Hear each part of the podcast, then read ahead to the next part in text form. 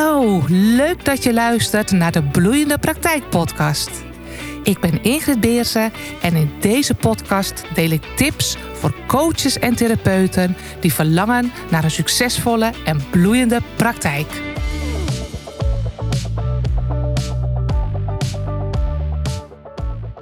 Bij heel veel ondernemers zie ik dat ze best goed bezig zijn met hun zichtbaarheid. Ze zijn aan het netwerken, regelmatig te zien en soms zelfs ook hartstikke goed, consistent te zien op sociale media.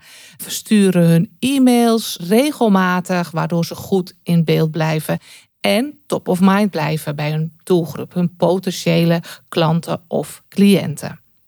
Kortom, het saaie werk heb je op orde en toch heb je nog te weinig klanten. Heel vaak komt dat erdoor dat je gewoon te weinig durft te oogsten.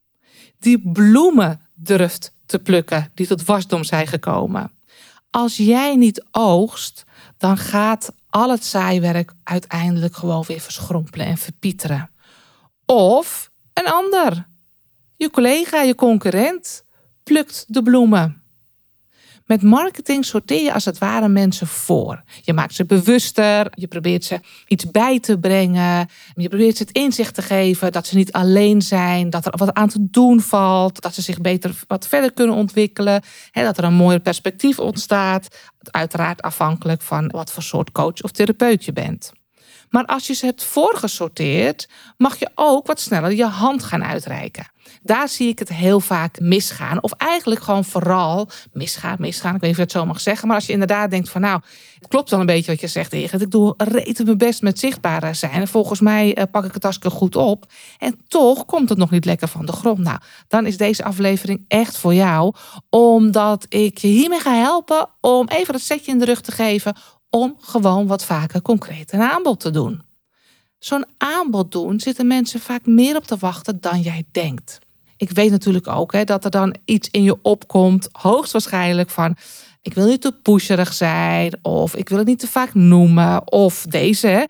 Ja, als mensen mij zien en dergelijke, dan kunnen ze toch naar mijn website gaan en dan gaan ze zelf wel op zoek. Vind ik ook, als ik het doe, ik ga wel ergens naar op zoek.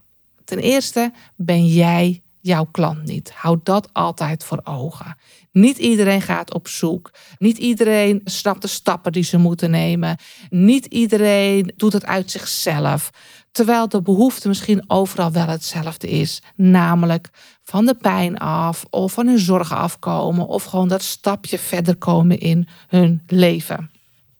Mensen die klaarstaan om eigenlijk wel iets te doen, hebben het ook nodig om een setje te krijgen om te gaan springen.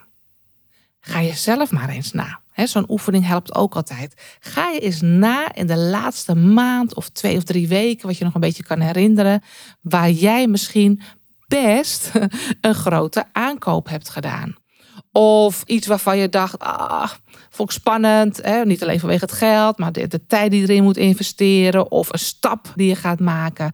Nou, denk eens na over het padje, de reis, wat je toen hebt gelopen. Vaak had je ook niet in één keer dat je dacht, oh, vaker aan gedacht, oh, hop, daar is het, ik doe het.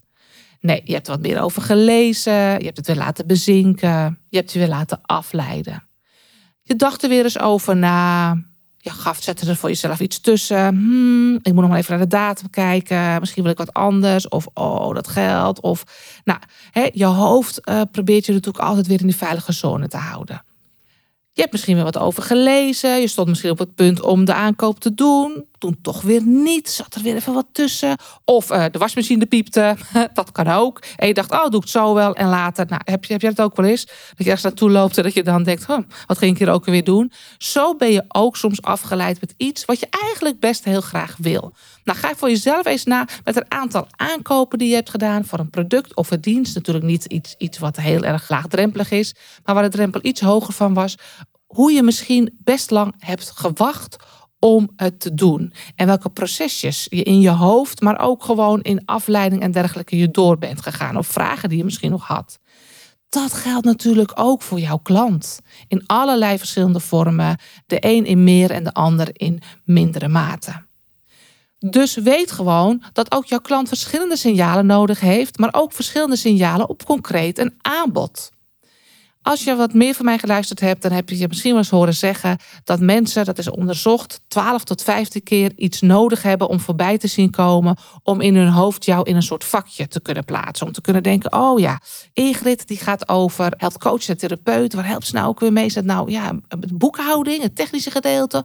Of is het vooral ondernemerschap en marketing? Nou, als je wat vaker van me ziet, dan val ik wat meer in een soort pulletje, van, in een soort hokje. En ga je denken: oh ja, wat ik nu voor Ingrid lees, vind ik wel interessant. Wat doet ze eigenlijk? Wat kan ze voor mij betekenen? Je kijkt dus naar het aanbod. Nou, zo gaat dat. Twaalf keer voordat je mij op de juiste manier in een hokje hebt geplaatst.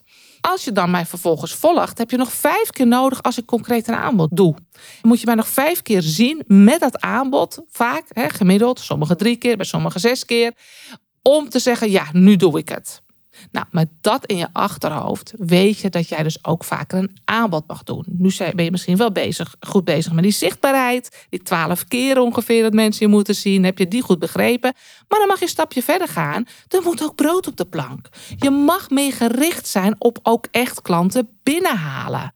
Je hebt een bedrijf. Wat ik je nu ga vertellen over de onderzoeken die ik heb gedaan in de tijd dat ik nog bij een grote zorgorganisatie werkte. Ik hoop dat dat een eye-opener voor je geeft als je je wat bezwaard voelt om concreet een aanbod te doen. Ik mocht toen namelijk vrij veel onderzoek doen naar de klantreis. En wat is de klantreis? Dat is de reis die iemand loopt, die iemand doormaakt als het gaat over het zoek- en het oriëntatieproces. Dus je denkt, oké, ik heb misschien iemand nodig om me te helpen. Is het eigenlijk wel erg genoeg? Ga ik het nog een keer zelf proberen? Ik ga daar eens een keer zoeken. Ik ga daar eens een keer navragen. Ik vraag het misschien bij lotgenoten. Of nou, in ieder geval, wat hebben ze allemaal gedaan? En wat vonden ze nou iets waarvan ze dachten, oh, dat vond ik echt super in die klantreis, in dat stukje klantreis.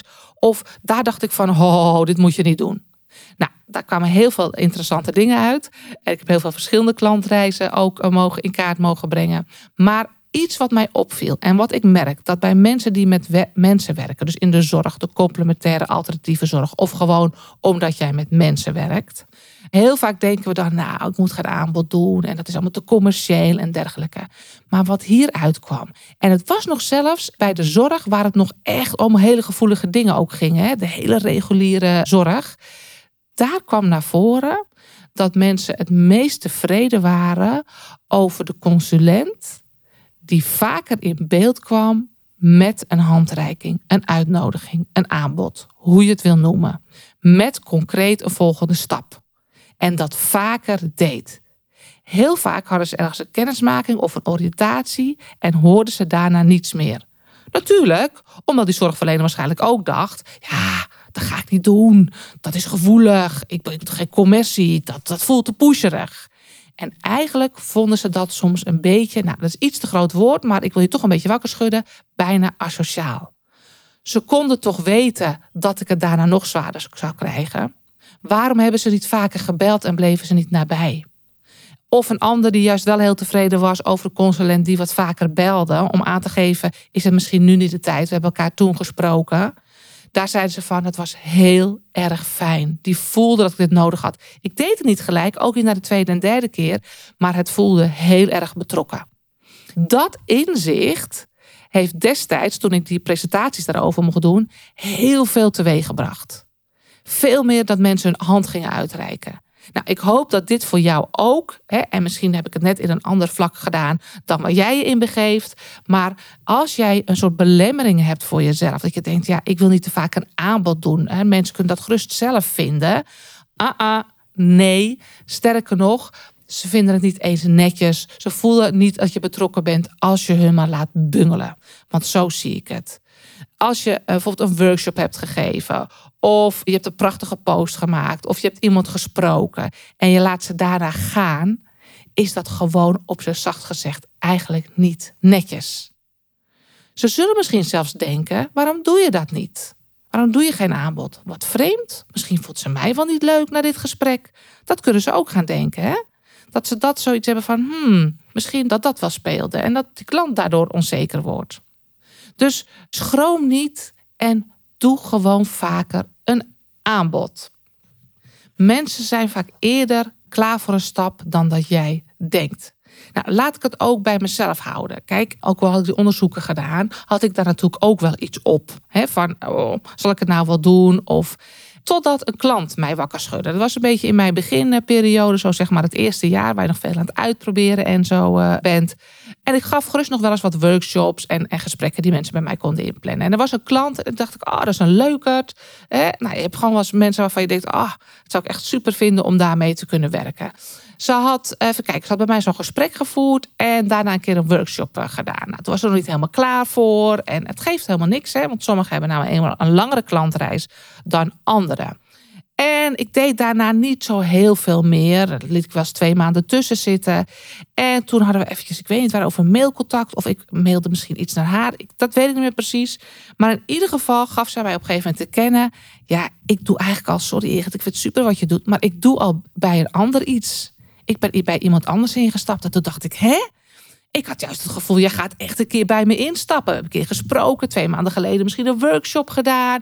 En nou, ik dacht echt gewoon, nou, een beetje naïef. Want ook jouw klanten shoppen natuurlijk ook bij anderen. En dit was echt een gevalletje van, die had prima bij mij willen instappen. Maar ze zei het letterlijk, ja, ik weet het eigenlijk niet Ingrid. Bij jou had het ook gekund. Maar een ander deed gewoon een aanbod. En dat was precies op een goed moment. En daar ben ik gewoon ingestapt. Had net zo goed jou kunnen zijn. En ik wist dat ze dat echt wel oprecht meende. Ik was boos en teleurgesteld er een beetje boos op haar. Maar eigenlijk zat er voor mij een boodschap in. En vooral hè, op dat moment zit dat natuurlijk, zie je dat niet zo helder. Maar eigenlijk later ben ik heel erg dankbaar voor dat moment. Want dat heeft mij heel erg duidelijk gemaakt. Ik heb gezaaid en een ander heeft deze bloem, waarvan ik dacht, wow, gave bloem, gewoon voor mij neus vandaan geplukt. Ik had dus eerder en vaker een concreet aanbod mogen doen. Nou, dat is wat ik je heel graag in deze aflevering wil meegeven. Mensen hebben het gewoon nodig. Maak het ze makkelijk. Als ik ook iets heb geleerd het ondernemerschap, is dat je het mensen gewoon makkelijk moet maken. Het is echt niet zo van ik wil het zo graag, dus ik neem alle hobbels. Nee, ik wil het zo graag. Fijn dat jij je hand naar me uitreikt. En dat is dus doe vaker een aanbod. Mijn pleidooi in deze aflevering. Of je dat nou op social media doet, na je workshop. Hè? Niet dat je zegt, oh, ik eindig mooi en ik doe daarnaast een keer een mail. Nee, eindig het gewoon met een concreet aanbod doen. Pak daar je ruimte voor. En vraag nog een aantal keer of mail nog een aantal keer het aanbod toe. Of als je iets kleins hebt, kan je het op social media al communiceren, dat aanbod. Kijk, niet een heel groot traject van uh, eh, 1000 euro. Dat koopt men niet zomaar vanuit sociale media. Er zijn natuurlijk verschillende momenten waar je verschillende type aanbod doet. Maar doe het wel.